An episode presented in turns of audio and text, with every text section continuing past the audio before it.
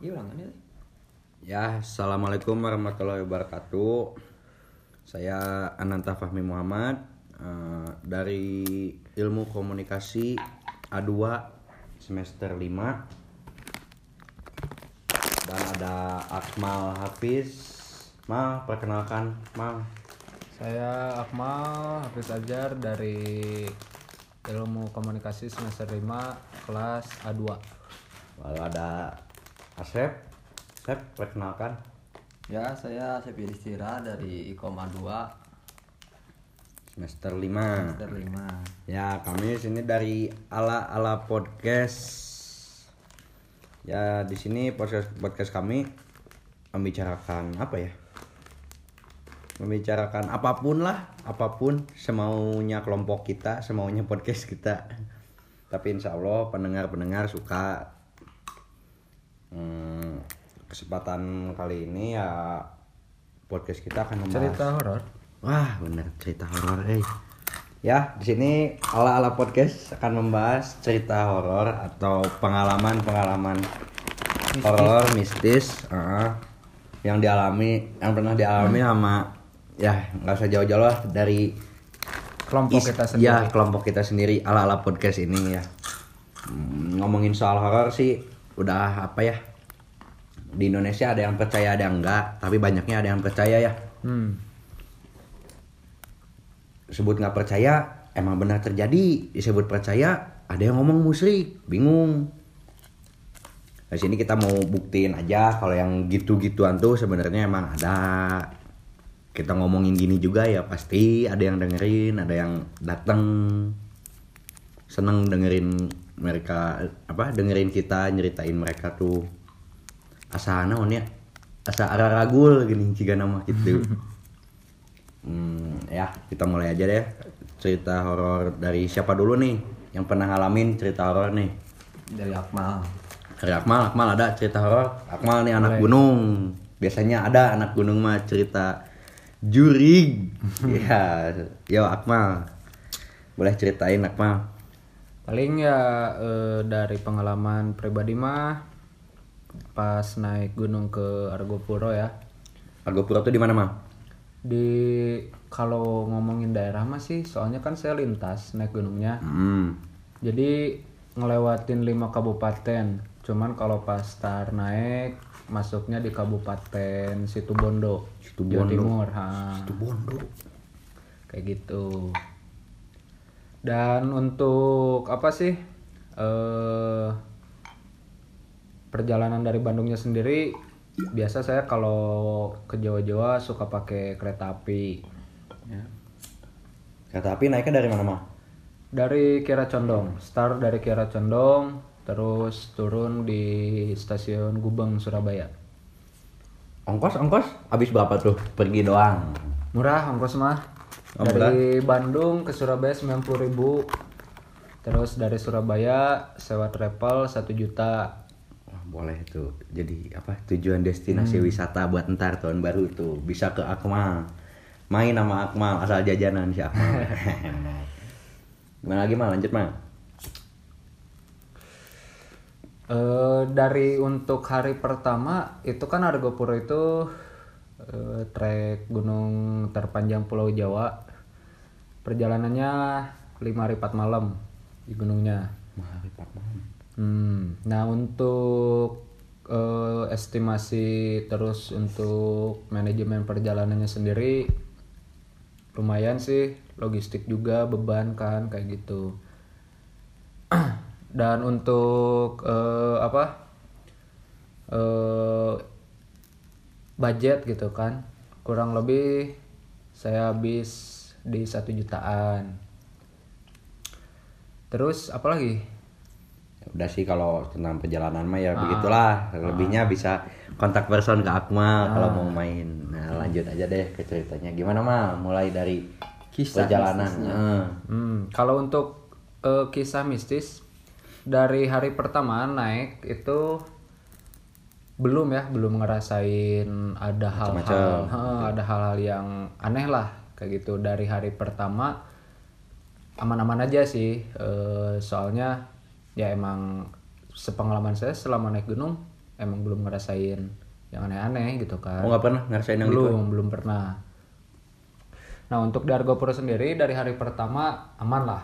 Ke camp trekking pagi-pagi sampai eh, tempat camp. Itu di sekitar jam 5 sore. Camp masak-masak dan lain-lain itu eh, kita istirahat. Camp di sana. Langsung perjalanan mulai trekking lagi besoknya jam sekitar jam 9 pagi lah sampai ke camp selanjutnya di Cikasur. Nah mulai dari situ saya kan 9 orang, sebagian dia pada mandi di sungai. Nah saya sendiri masak, terus teman saya yang dua orang pasang tenda. Nah pas ketika saya lagi masak, teman saya lagi pasang tenda, tiba-tiba yang satu namanya itu si Mul. Nyamperin saya ha, si Mul. Nyamperin. Dia bilang mang eh, tadi ayah aki-aki sana euy eh, make baju bodas nah mang ninggal itu ente emang kunaon? Itu sana ayah rombongan Jakarta pasang tenda di ngelewat apa sih? Eh kita kan pasang tenda di bawah pohon gede nah mereka itu di dekat di bukan di sabananya Hmm. di dekat ada bangunan-bangunan bekas Belanda kayak gitu Sabana tuh lahan terbuka. Ah, ah, lahan terbuka katanya dia disuruh pindah si tendanya cina Sama siapa Kata suruh si pindahnya? Mul. si Mul itu kata si kakek-kakek yang ketemu sama si Mul Hmm. Jadi kakek-kakeknya Menyuruh. nyuruh ke Simul, suruh rombongan Jakarta itu pindah, jangan bangun tenda di situ. hmm. Ya, terus terus. Nah, terus kata saya ya udah Mul eh, apa? Bilangin aja ke anak Jakartanya. Bilangin aja eh, ceritain lah gitu kan. Akhirnya si bergerak lah nyamperin sama anak-anak Jakarta. Akhirnya di- mereka pindah eh, tenda bersebelahan sama kita gitu kan. Awalnya dari hari pertama sih cuman ada saya aja sama teman-teman gitu kan, nggak ada orang-orang lain. Saya ketemu-temu rombongan lain tuh di hari kedua di Cikasur. Kayak gitu. Nah mulai dari itu mulai dari hari kedua sampai turun ke base camp eh, bareng terus sama rombongan Jakarta. Jadi emang beda lah sama gunung yang lainnya yang selalu ramai gitu kan. Kalau si Argopuro itu eh, kenapa sepi? Ya karena treknya juga emang terpanjang di Pulau Jawa gitu kan Nah, selain panjang itu treknya ekstrim, Mang. Kayak terjal atau apa gitu. Kalau ekstrim sih enggak ya. Kalau ekstrim enggak, cuman untuk Argopuro itu tipikalnya karena jarang terjamah, jadi si jalurnya itu ketutup. Oh, kayak nggak ada bekas-bekas jalan orang gitu nggak ada. Ah, Terus juga minim eh, tanda-tanda gitu kan kalau di gunung Taman Nasional lah contoh gitu kan, ada yang ngelola. Itu kan tiap Belokan. eh, belokan pasti ada penunjuk arah, terus tiap eh, Ada pos-pos ya. Ah, ada pos-pos emang sih dari Gopuro juga ada, cuman minim eh, penunjuk gitu kan arah. Petunjuk Saya eh, ngandelin insting waktu itu. Sama untungnya sama si anak Jakarta itu dia pakai jam yang ada GPS-nya. Hmm. Jadi agak kebantu lah dikit-dikit. Ah, tunggu tunggu. Ai orang Jakartanya kenal sama Mang. Enggak. Oh, ketemu di tempat. Ah, instan kan di waktu hari yang sebelumnya di Cikasur yang pas si mall itu ketemu kakek-kakek dibilangin nah dari situlah mulai eh, basa-basi ngobrol, Ngobrol apa Ah, gitu ya, biasa di ngobrol gunung. gitu kan. Dari situ akhirnya kita bareng-bareng lah gitu kan. Sampai tujuan masing-masing. Terus ya apa dari perjalanan mah siang itu aman-aman aja sih kalau perjalanan siang gitu kan. Siang. Ah.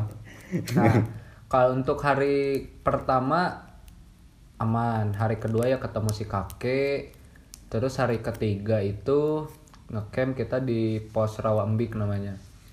Pos apa? Pos apa? Rawambik. Rawambik. Nah, Hmm. Nah, dari perjalanan ke Cikasur sampai ke Rawambik itu kita ketemu lagi sama rombongan dari Gresik. Gresik. Ah, dia itu sekeluarga. Nah, untuk di rombongan Gresik itu dia ada sat, eh dua orang cewek. Cuman ya emang umurnya udah ibu-ibu lah. eh, si rombongannya duluan sama rombongan Jakarta Hmm. si ibu-ibunya ditinggalin Yang berdua, yang satu orang pas satu orang ibu-ibu tinggalin. Ah, ah. katanya eh, dia udah pernah kan ke Argopuro jadi nggak terlalu kalau Hariwang, Sunda gitu. nama hariwang Oh jadi udah tahu jalan apa Ah. merenya. Hmm. jadi sama saya diajak bareng eh, ke Simbanya dia bilang ya udah duluan aja katanya tapi eh, anak-anak pengen santai dulu istirahat dulu akhirnya dia yang duluan gitu kan ngelanjutin lagi perjalanan Nah, berarti si ibu itu nuncek bahasa Sunda mana nih? Lu dengan Nah, ludeng lah. Nah, Nggak- dari ada perjalanan, takutnya. dari perjalanan, dari istirahat terakhir sampai begitu tempat camp, langsung saya ditanyain tuh sama si suaminya. Dia bilang istri saya ke mana? Nah, tadi kan bareng. Terus kata saya, bukannya tadi diajak bareng sama saya dia minta duluan gitu kan, nggak mau dia mau duluan aja. Saya kira udah sampai gitu kan ke sini, tahunya belum ada. Terus si suaminya bilang, oh mungkin dia lagi bokar sana. Boker tuh apa ya? BAB BAB. boker, Asep. Boker. boker. Soalnya boker gitu. Pup pup. Kalau boker ya akhirnya saya sama teman-teman ya udah santai aja gitu kan terus juga dia emang bilang si mbaknya udah pernah jadi gak terlalu Jadi percaya-percaya aja ya. Ternyata saya tuh sampai tempat camp jam setengah enam maghrib terus si mbaknya sampai jam 7 isa belum nyampe ke tempat camp Hmm. Padahal kan dari segi waktu dia yang duluan jalan, tapi kita yang nyampe duluan gitu ke si tempat campnya. Akhirnya si suaminya ngajak sama anak-anak Jakarta buat nyusulin Hmm. si mbaknya. Akhirnya bergeraklah mereka itu bertiga, tiga orang. Gerak eh, ke track berikutnya eh track yang sebelumnya untuk cari simbanya ternyata emang ada gitu kan ketemu Oh ketemu mbaknya. hmm taunya nyasar Udah jadi, nyasar. jadi ada persimpangan kalau kata bahasa Sundanya mah cagak Cakep. harusnya ngambil ke kanan Simba malah ke kiri gitu kan nah untungnya pinter Simbanya ketika dia udah mulai ngerasa nyasar gitu kan salah jalur Berani balik langsung balik lagi. Nah, dia langsung balik lagi ke tempat, ke pos, ke pos terakhir dia istirahat. Diem aja di situ sendiri, sampai-sampai ketemulah sama si suami sama yang eh, Rombongannya. Ah, Oh jadi rombongan Grasi gitu balik turun lagi ke bawah ke pos yang pertama. ah, cuman emang gak terlalu jauh sih, paling Hmm. sekitar satu jam lah. Wah, Satu juga jam ya. jalan kaki, guys.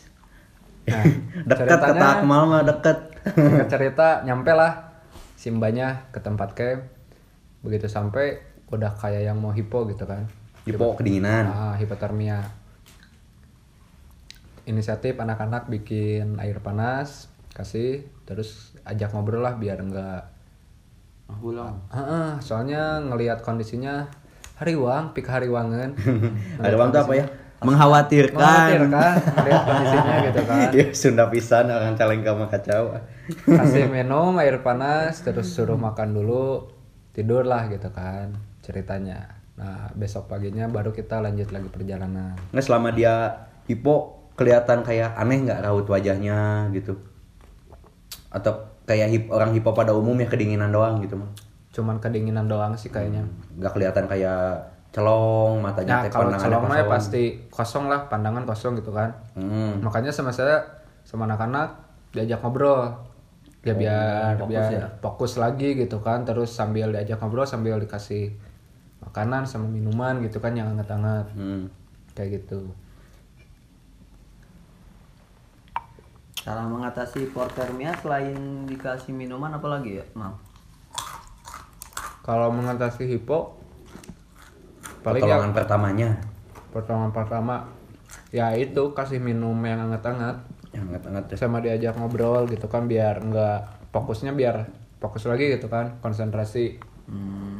Oh jadi biar kesuges gak apa ya nggak inget terus, Duh, orang ketirisan Ah, gitu. kayak Biar gitu. gak gitu. Terus takutnya kan kalau hmm, ulang lah ya bahasa Sundanya tuh takutnya kan eh, makhluk-makhluk goib itu hmm, sangat Nah. gampang untuk Ah, ah. masuk ke Ada istilah ya. naon ya. Jangan guys, kamu jangan ngelamun ntar kesambet. Nah, kayak gitu lah gitu. heeh. menghindari dari itu ya semua ya. Diajak Hmm. Nah lanjut mal apalagi nih Lanjut. hmm. dari perjalanan itu kayak gimana? Nah, besoknya kan hari itu masuk hari keempat. Masuk hari keempat kita trekking lebih awal karena eh, ngelihat jalur dari peta sendiri emang di hari itu treknya paling lama lah kita trekking paling lama. Biasanya di hari-hari sebelumnya kita trekking normal paling 8 sampai 9 jam per hari. Wih. Nah untuk hari itu kita inisiatif ber- bergerak lebih awal, lebih pagi. Kita mulai gerak dari Camp Rawa Embik. Tujuannya ke Danau Taman Hidup itu start mulai dari jam 7 pagi. Cuaca gimana bang? Waktu Oh. pagi itu? Untuk cuaca masih alhamdulillah belum apa nggak dikasih hujan ya cerah karena kita ngambilnya juga musim kemarau gitu Pergi kan. kemarau gitu Ah. makanya berangkat juga gitu. Nah, nah untuk dari perjalanan itu untuk siang masih enjoy enjoy aja ya. Maksudnya nggak ada hal-hal yang gimana gitu kan. Yang aneh-aneh lah ya. Ah. Nah untuk dari start dari Rawambik itu jam 7 kita sampai puncak eh, Dewi Rengganis sekitar jam 11 siang puncak Dewi Rengganis akhirnya kita alat-alat keril simpan di apa sih namanya itu pos alun-alun besar kalau nggak salah ha, alun-alun lonceng sabana lonceng Itu tuh namanya aja, tapi Ah. tetap kok situ apa? Kondisi di sana mah kayak gunung aja Ah, gitu, cuma cuma nama ya, alun-alun. ah. Hmm.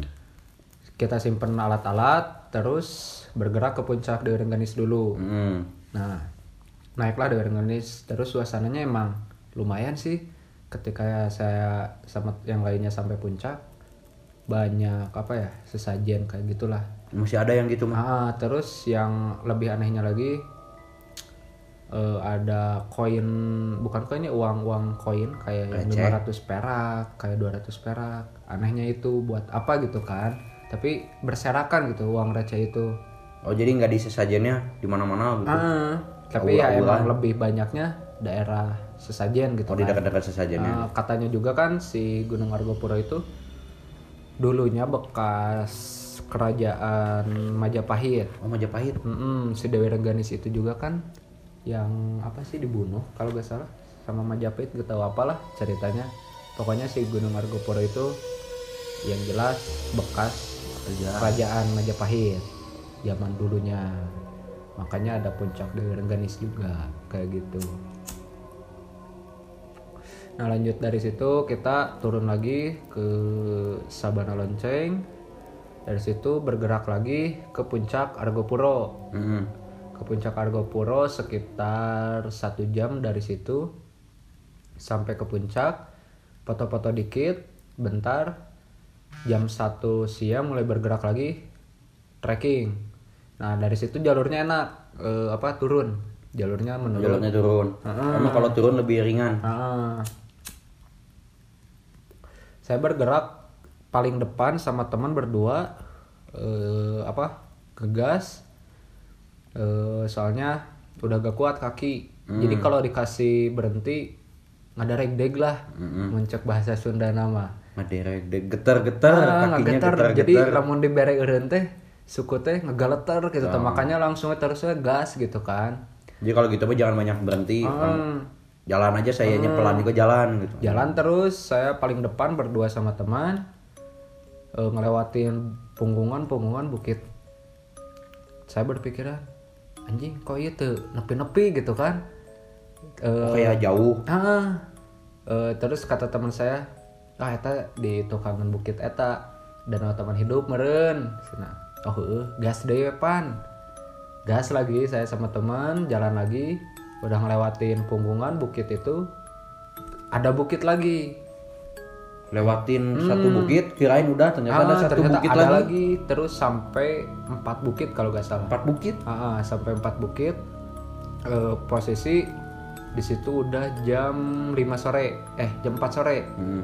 posisi udah jam 4 sore saya bilang pan tungguan barudak weh soalnya iya nges asup ke sore hariwang euy lamun. Akhirnya orang lanjut duaan gitu kan Terlalu jauh juga ya. Ah, terlalu jauh juga. Akhirnya saya mutusin berhentilah dulu sambil nunggu rombongan yang di belakang. Eh, kurang lebih dua jam nunggu baru ada gitu kan. Hmm. Kirain saya udah ada semuanya. Ternyata cuman ada lima orang. cuma ada lima orang Ah, rombongan saya tiga orang, sisanya yang Jakarta dua orang. yang Gresik Yang Gresik masih di belakang lagi, ada lagi. Ha. Nah, langsung kita berunding di situ. Eh, kata saya bilang, ini mau gimana? Mau lanjut langsung apa mau nunggu yang di belakang? terus gimana Terus respon dari yang lainnya pada diem gitu kan, nggak bingung lah, istilahnya bingung. Terus saya bilang ya udahlah, mending kita gas duluan aja hmm. saya pribadi memutusin gas langsung. Karena apa? Ya karena waktu juga kan udah menuju malam gitu kan. Terus juga saya kenapa mutusin langsung lanjut perjalanan? Karena yang di belakang ada anak Jakarta juga. Eh, yang pakai ada yang bawa GPS jadi nggak terlalu hariwang lah. Ya nggak terlalu khawatir. Akhirnya kita gas lagi. Kata saya eh, ke si Abai teman. Bay sok tihela gitu kan. Hmm. dia bilang ah bung orang sana eh ke kata saya ya udah sok duluan aja tuh Bay paling depan ah nggak mau. Akhirnya saya lagi yang duluan. Keluarin lah dulu headlamp kata saya biar enak. Keluarin headlamp. Terus lanjutlah gas lagi perjalanan. Kirain perkiraan itu sampai Danau Taman Hidup dua jam lagi sampai kan gak tahu berapa jam. Itu posisi udah di bukit keberapa? Kan lewatin bukit-bukit. Kurang lebih keempat lah. Oh, udah keempat itu? Nah keluarin headlamp. Perjalanan itu start lagi kita mulai dari setengah enam sore kalau nggak salah. Setengah enam udah- sore. udah gelap itu. udah mah. gelap lah lumayan. Gas. Terus eh, di perjalanan anehnya itu dari anak-anak biasanya suka pada bercanda gitu kan. Hmm. nah dari situ mereka gak ada yang ngobrol. Jadi jalan kaki ya jalan gitu kan. Jadi diam nggak ngobrol? Diem nggak ada yang ngobrol. Nah udah mulai eh, apa lihat jam masuk jam setengah tujuh. Kita mutusin jam 6 lebih lah. Mutusin untuk berhenti dulu lah. Kalau kata orang Sunda mah sarupna gitu kan. Eh, pergantian siang ke malam itu suka ada hal-hal yang nggak diinginin kan kalau keluar keluar ada tahayul Heeh, akhirnya kita udahlah break dulu eh, untuk eh, setengah jam lah break dulu. Nah ketika istirahat ngerokok lah kita. Yang ngerokok ngerokok yang enggak ya udah diem gitu kan. Waktu ngerokok teman-teman yang lainnya pada diem ngerokok yang ngerokok. Biasanya kan suka ngobrol gitu kan, tapi ini enggak gitu. Dia bakar rokok ya udah gitu kan nggak ada obrolan ini gimana atau apa pun yang bikin saya aneh gitu kan soalnya logikanya kalau lagi capek emang ngobrol tuh kayak males Hmm. mau mau jalan aja capek apalagi sambil ngobrol Hmm. gitu. waktu istirahat ya pakai istirahat gitu Ah. Baru- jadi naonnya baru-baru mau ngobrol geus lulus awak teh Nah, gitu eta. nah beres rokok sebat kita lanjutin lagi perjalanan. Nah itu kan udah mulai gelap ya. Udah masuk setengah tujuan. Udah udah gelap lah keluarin headlamp. Gas lagi. Saya di situ udah apa ya ngandelin insting. Udah ngandelin insting lagi? Nah, jadi eh saya berpikiran rek nepi rek teu nepi baiklah nu penting kehandap orang lempang Mm-mm. Paling mentok-mentok ke pemukiman warga gitu kan saya udah beranggapan kayak gitu soalnya minim apa ya pelang petunjuk nggak ada petunjuk ya nah petunjuk jalan tapi saya ngikutin apa ngikutin sampah ngelihat sampah Oh, sampah. Berarti- oh jadi gini ya. Jadi kalau ada sampah berarti di situ pernah ada orang Hmm. gitu. Pernah ada orang lewat atau apa. Oh, masuk akal, masuk akal. jadi ketika saya lagi jalan ngelihat ke bawah ada sampah gitu kan. Oh, Hmm. berarti ini emang jalurnya gitu kan. Dilalui orang gitu. Ah, terus saya bilang ke si Mul. Si Mul kan bawa tali rapia. Mul kata saya eh, keluarin tali rapia tiap 10 ah tiap 10 meter atau 20 meter taliin ke pohon. Buat yang rombongan yang di belakang nunjukin ibaratnya sebagai tanda lah gitu kan Eh, untuk soalnya ketika kita jalan dari tadi nggak ngelihat tanda-tanda gitu kan. Nah akhirnya kita putusin tiap per 10 atau 20 meter di pohon dipasang tali rapia buat sebagai petunjuk jalan yang di belakang. Heeh. nah posisi itu udah jam 8 malam kita masih belum nyampe tuh. Sebelum nyampe ke danau Ah, itu tuh. ke tujuan. Nah dari situ ketika jalan nggak ada satupun orang bukan orang ya dari anak-anak sendiri Ya rombongan anak mah. Heeh, yang rombongan depan gak ada yang ngobrol jalannya jalan gitu kan Flat gitu loh. flat gitu Eh, jadi gak ada yang ngobrol gak ada yang ngobrol ketika jalan itu nah udah dari situ tiba-tiba ada suara dangdut pertamanya dangdut. Heeh. Elektun, dangdut. Dangdut suara dangdut Oh, kendang organ, oh kendang. kendang heeh. Nggak ada dari Di gunung. satu, satupun orang yang memainkan apa ya alat musik atau Nggak ada.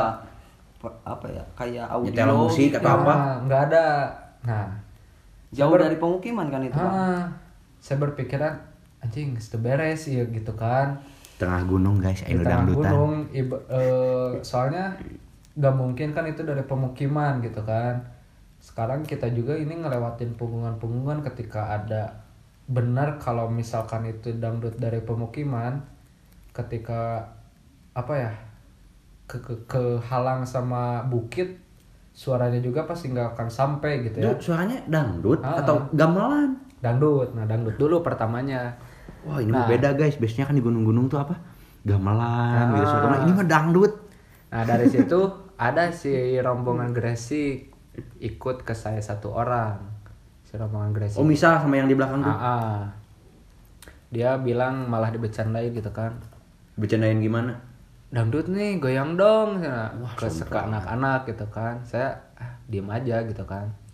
Istirahat lagi lah di situ sambil nunggu teman-teman yang lain. Ternyata masih belum nyusul juga gitu kan. Mm. Akhirnya saya putusin, yuk bergerak lagi gitu kan. Oh jadi orang yang rombongan Gresik ngikut ke Akmal itu punya firasat gak enak soalnya rombongannya sompral gitu. Enggak juga, jadi Atau gimana? emang emang dia ikut karena fisik yang di belakang kan Oh, lambat emang dia lah, bergeraknya apa- lambat. ah, emang dia kuat gitu. Nah, akhirnya dia putusin ikut ke rombongan depan gitu kan. Nah, saya lanjutin lagi perjalanan. Posisi udah jam 9 malam. Saya di dalam hati bilang, anjing gitu nepi-nepi gitu kan. Nyasap gitu orang ya gitunya. Tapi ketika eh nyasap ah bodoh lah gitu kan maksudnya bukan bodoh amat. Jadi orang terus aja jalan ke bawah, paling ya mentok-mentok Pemukiman. pemukiman tapi sebenarnya ketika kita nyasar itu harusnya jalan itu ke atas ke puncak bukan ke bawah Hmm. tapi kalau kita balik lagi lebih PR gitu kan berikut saya juga berpikiran ah santai aja gitu kan kita bawa logistik juga bawa tenda juga jadi nggak terlalu Khawatir. khawatir gitu kan aman lah ya Ah, ah. Nah dari perjalanan jalan lagi, gak lama terdengarlah lagi suara gamelan. Oh gamelan sekarang. Ah. suara gamelan. Nah mulai dari situ anak-anak pada diam. Ya, itu merinding Suasana mah. udah- di gunung gamelan. Suasana udah gak enak lah. mencekam lah ya Ah, posisi jam 9 malam, tiba-tiba dengar suara gamelan. eh, Sudi. Anjir. asli eta KB gitunya barudak langsung ya emang pada dasarnya sebelum sebelum juga emang pada diem tapi ketika ngedengar suara gamelan makin jadi gitu kan maksudnya makin mencekam gitu saling lihat melihat ah akhirnya saya putusin udahlah diam dulu. Kata saya juga eh, kata saya diam dulu. Istirahat dulu kan. Hmm. nah istirahat pada duduk gak ada yang ngobrol. Diam lagi. diam lagi. Eh, langsung saya bilang ada yang bawa musik box nggak? Atau HP yang ada lagunya di apa gitu kan? Hmm. ada katanya. Sok eh, kata saya. Dicek dulu ya. Style apa lagu biar nggak terlalu Ngalagu, ngalagu gitu. Ah, ah, biar nggak terlalu mencekam gitu kan. Ah, ah. akhirnya setelah musik gitu kan biar nggak terlalu kedengaran lanjut lagi perjalanan terus eh, pas perjalanan udah jam 10 masih belum nyampe udah jam 10 malam Masih di tengah hutan gitu. masih di tengah hutan terus saya jalan terus gak lama dari situ ngelihat di bawah ada kertas tulisan danau taman hidup lurus gitu kan. Hmm. nah dari situ anjir kabar baik Plong, gitu kan. plong. Ah, udah plong gitu kan. Oh ini berarti udah nggak lama lagi gitu kan. Langsung saya istirahat eh, di situ putusin istirahat dulu bentar. Kita bikin lagi tanda-tanda.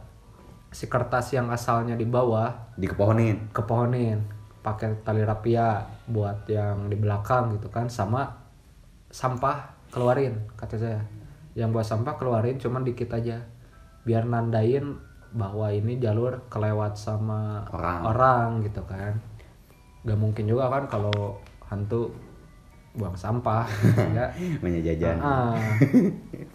akhirnya keluarin lah sampah eh, sampah-sampah kecil biar nandain nih buat yang di belakang juga gitu kan sama eh, ada teman yang bawa kertas tulisin lagi biar lebih jelas gitu kan langsung di bawah pakai batu biar nggak soalnya kan kalau ditimpa sama batu takutnya kena angin atau Ya, apa gitu kan angin. Nah, Ntar bang, ke mana lagi arahnya? Nunjuk ke kanan, ntar ke kiri. Nah, kayak gitu. Kacau.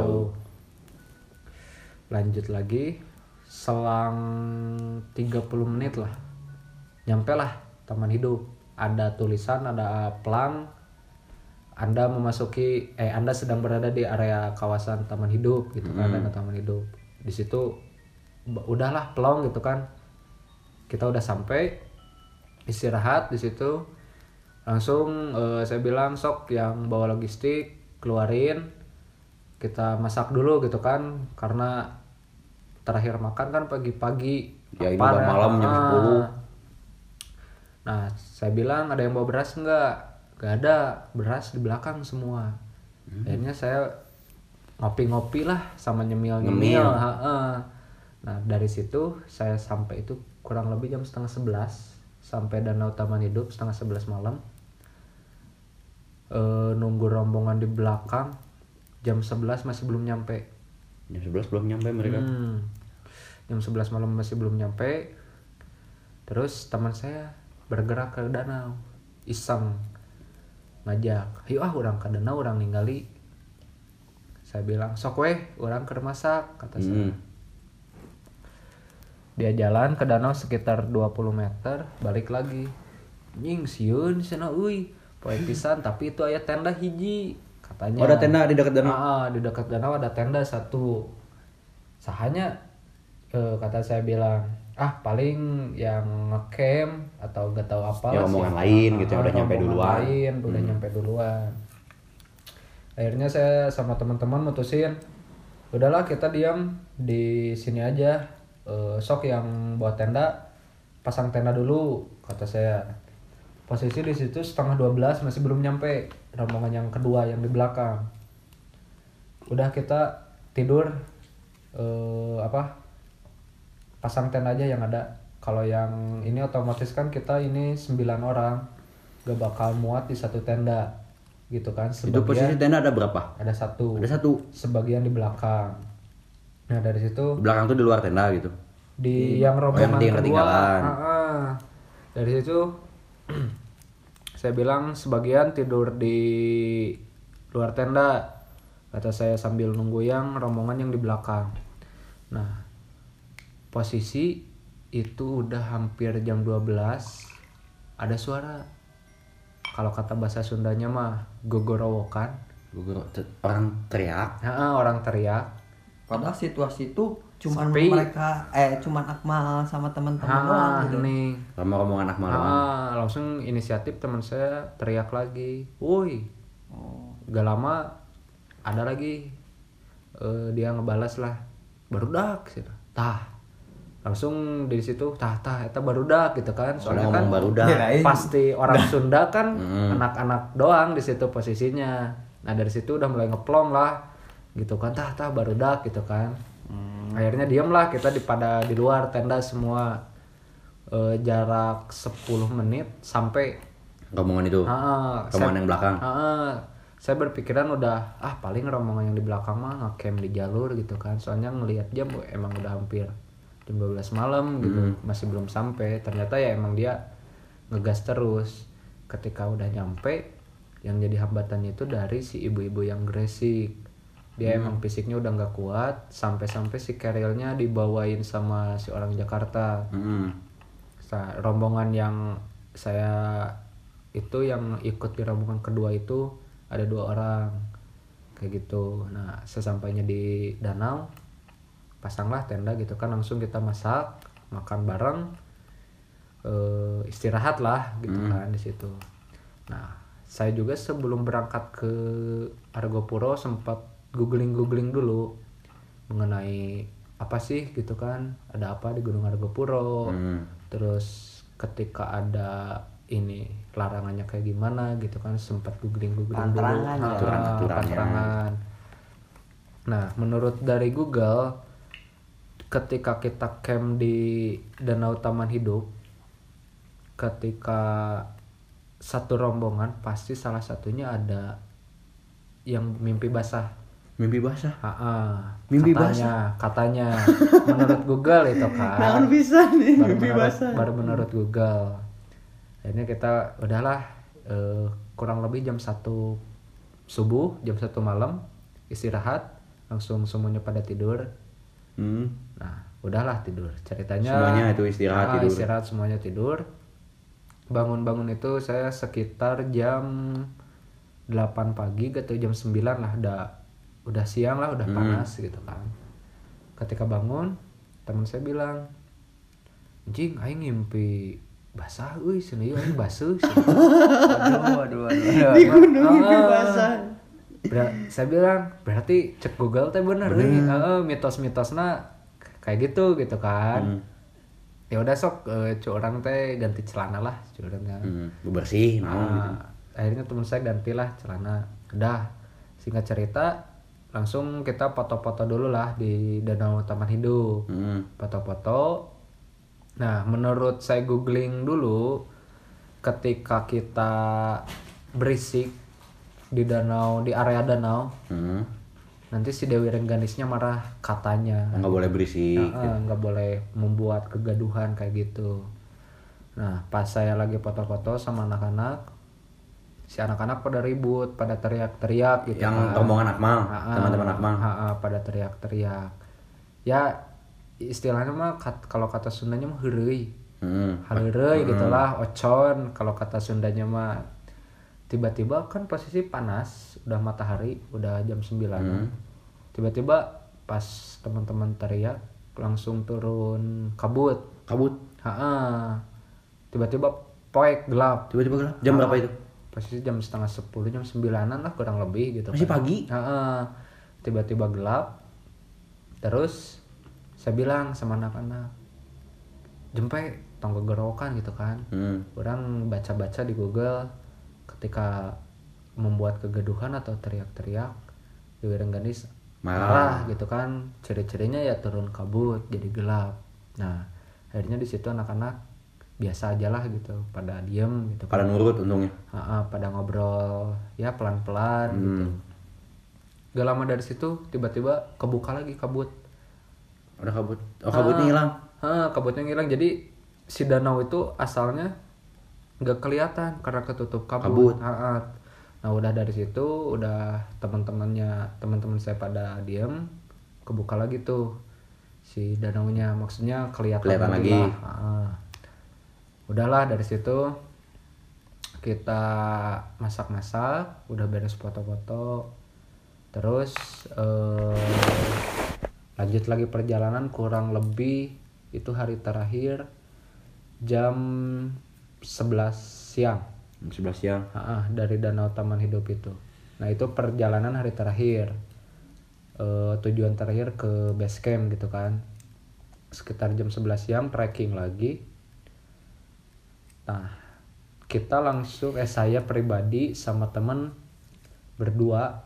Jadi teman saya berdua, saya sendiri jadi bertiga ngegas Hmm. duluan gitu kan ngegas duluan nah posisi siang kan tapi masih di area hutan sih nah teman saya waktu kisaran pukul jam 2 gak tahu jam 3 lah sore di area hutan dengar lagi suara gamelan Di lokasi itu lagi Ah, ah. yang malam dengar. beda Oh, beda. beda lokasi dengar lagi suara gamelan yang dengarnya emang nggak saya eh nggak teman saya sendiri tapi bertiga gitu kan semuanya ngedengar Serombongan gitu. anak mal.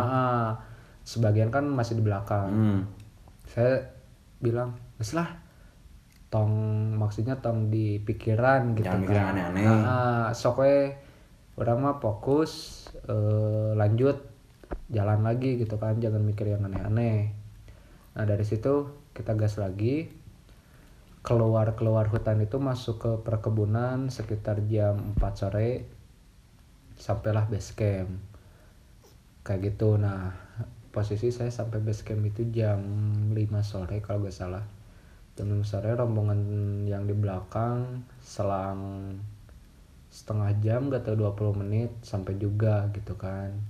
Nah udah dari situ sesampainya di base camp rebahan dulu sebentar mandi yang mandi mandi yang istirahat istirahat sebagian langsung ke warung bakso yang di depan base camp saya nanyain ke si ibu-ibu warung. Saya bilang bu emang di sini kemarin-kemarin ada dangdut ya? Gitu kan. Oh masnya dengar suara dangdut di atas. Ya bu kata saya gitu kan. Itu mah mas rata-rata setiap orang yang naik ke Argopuro pasti dengar suara dangdut sama gamelan. Di sini di bawah di pemukiman gak ada dangdut kok gak ada yang kalau kata Sundanya mah hajat asli Alam. Ah, ternyata ya emang eh, suara mistis lah bu- maksudnya bukan bukan dangdut Dari asli gitu lain. kan Ha, ha, dari alam lain kayak gitu udah beres Beres. Hmm. Oh jadi dari base camp itu pulang udah jangan ada apa-apa lagi. Ah, udah sih kalau udah base camp lah masuknya kan itu udah ke apa ya ke pemukiman warga gitu kan udah rame rumah-rumah jadi ya udah tenang lah Udah tenang ya. Udah udah jauh dari apa? Kegelapan gunung. Ha-ha.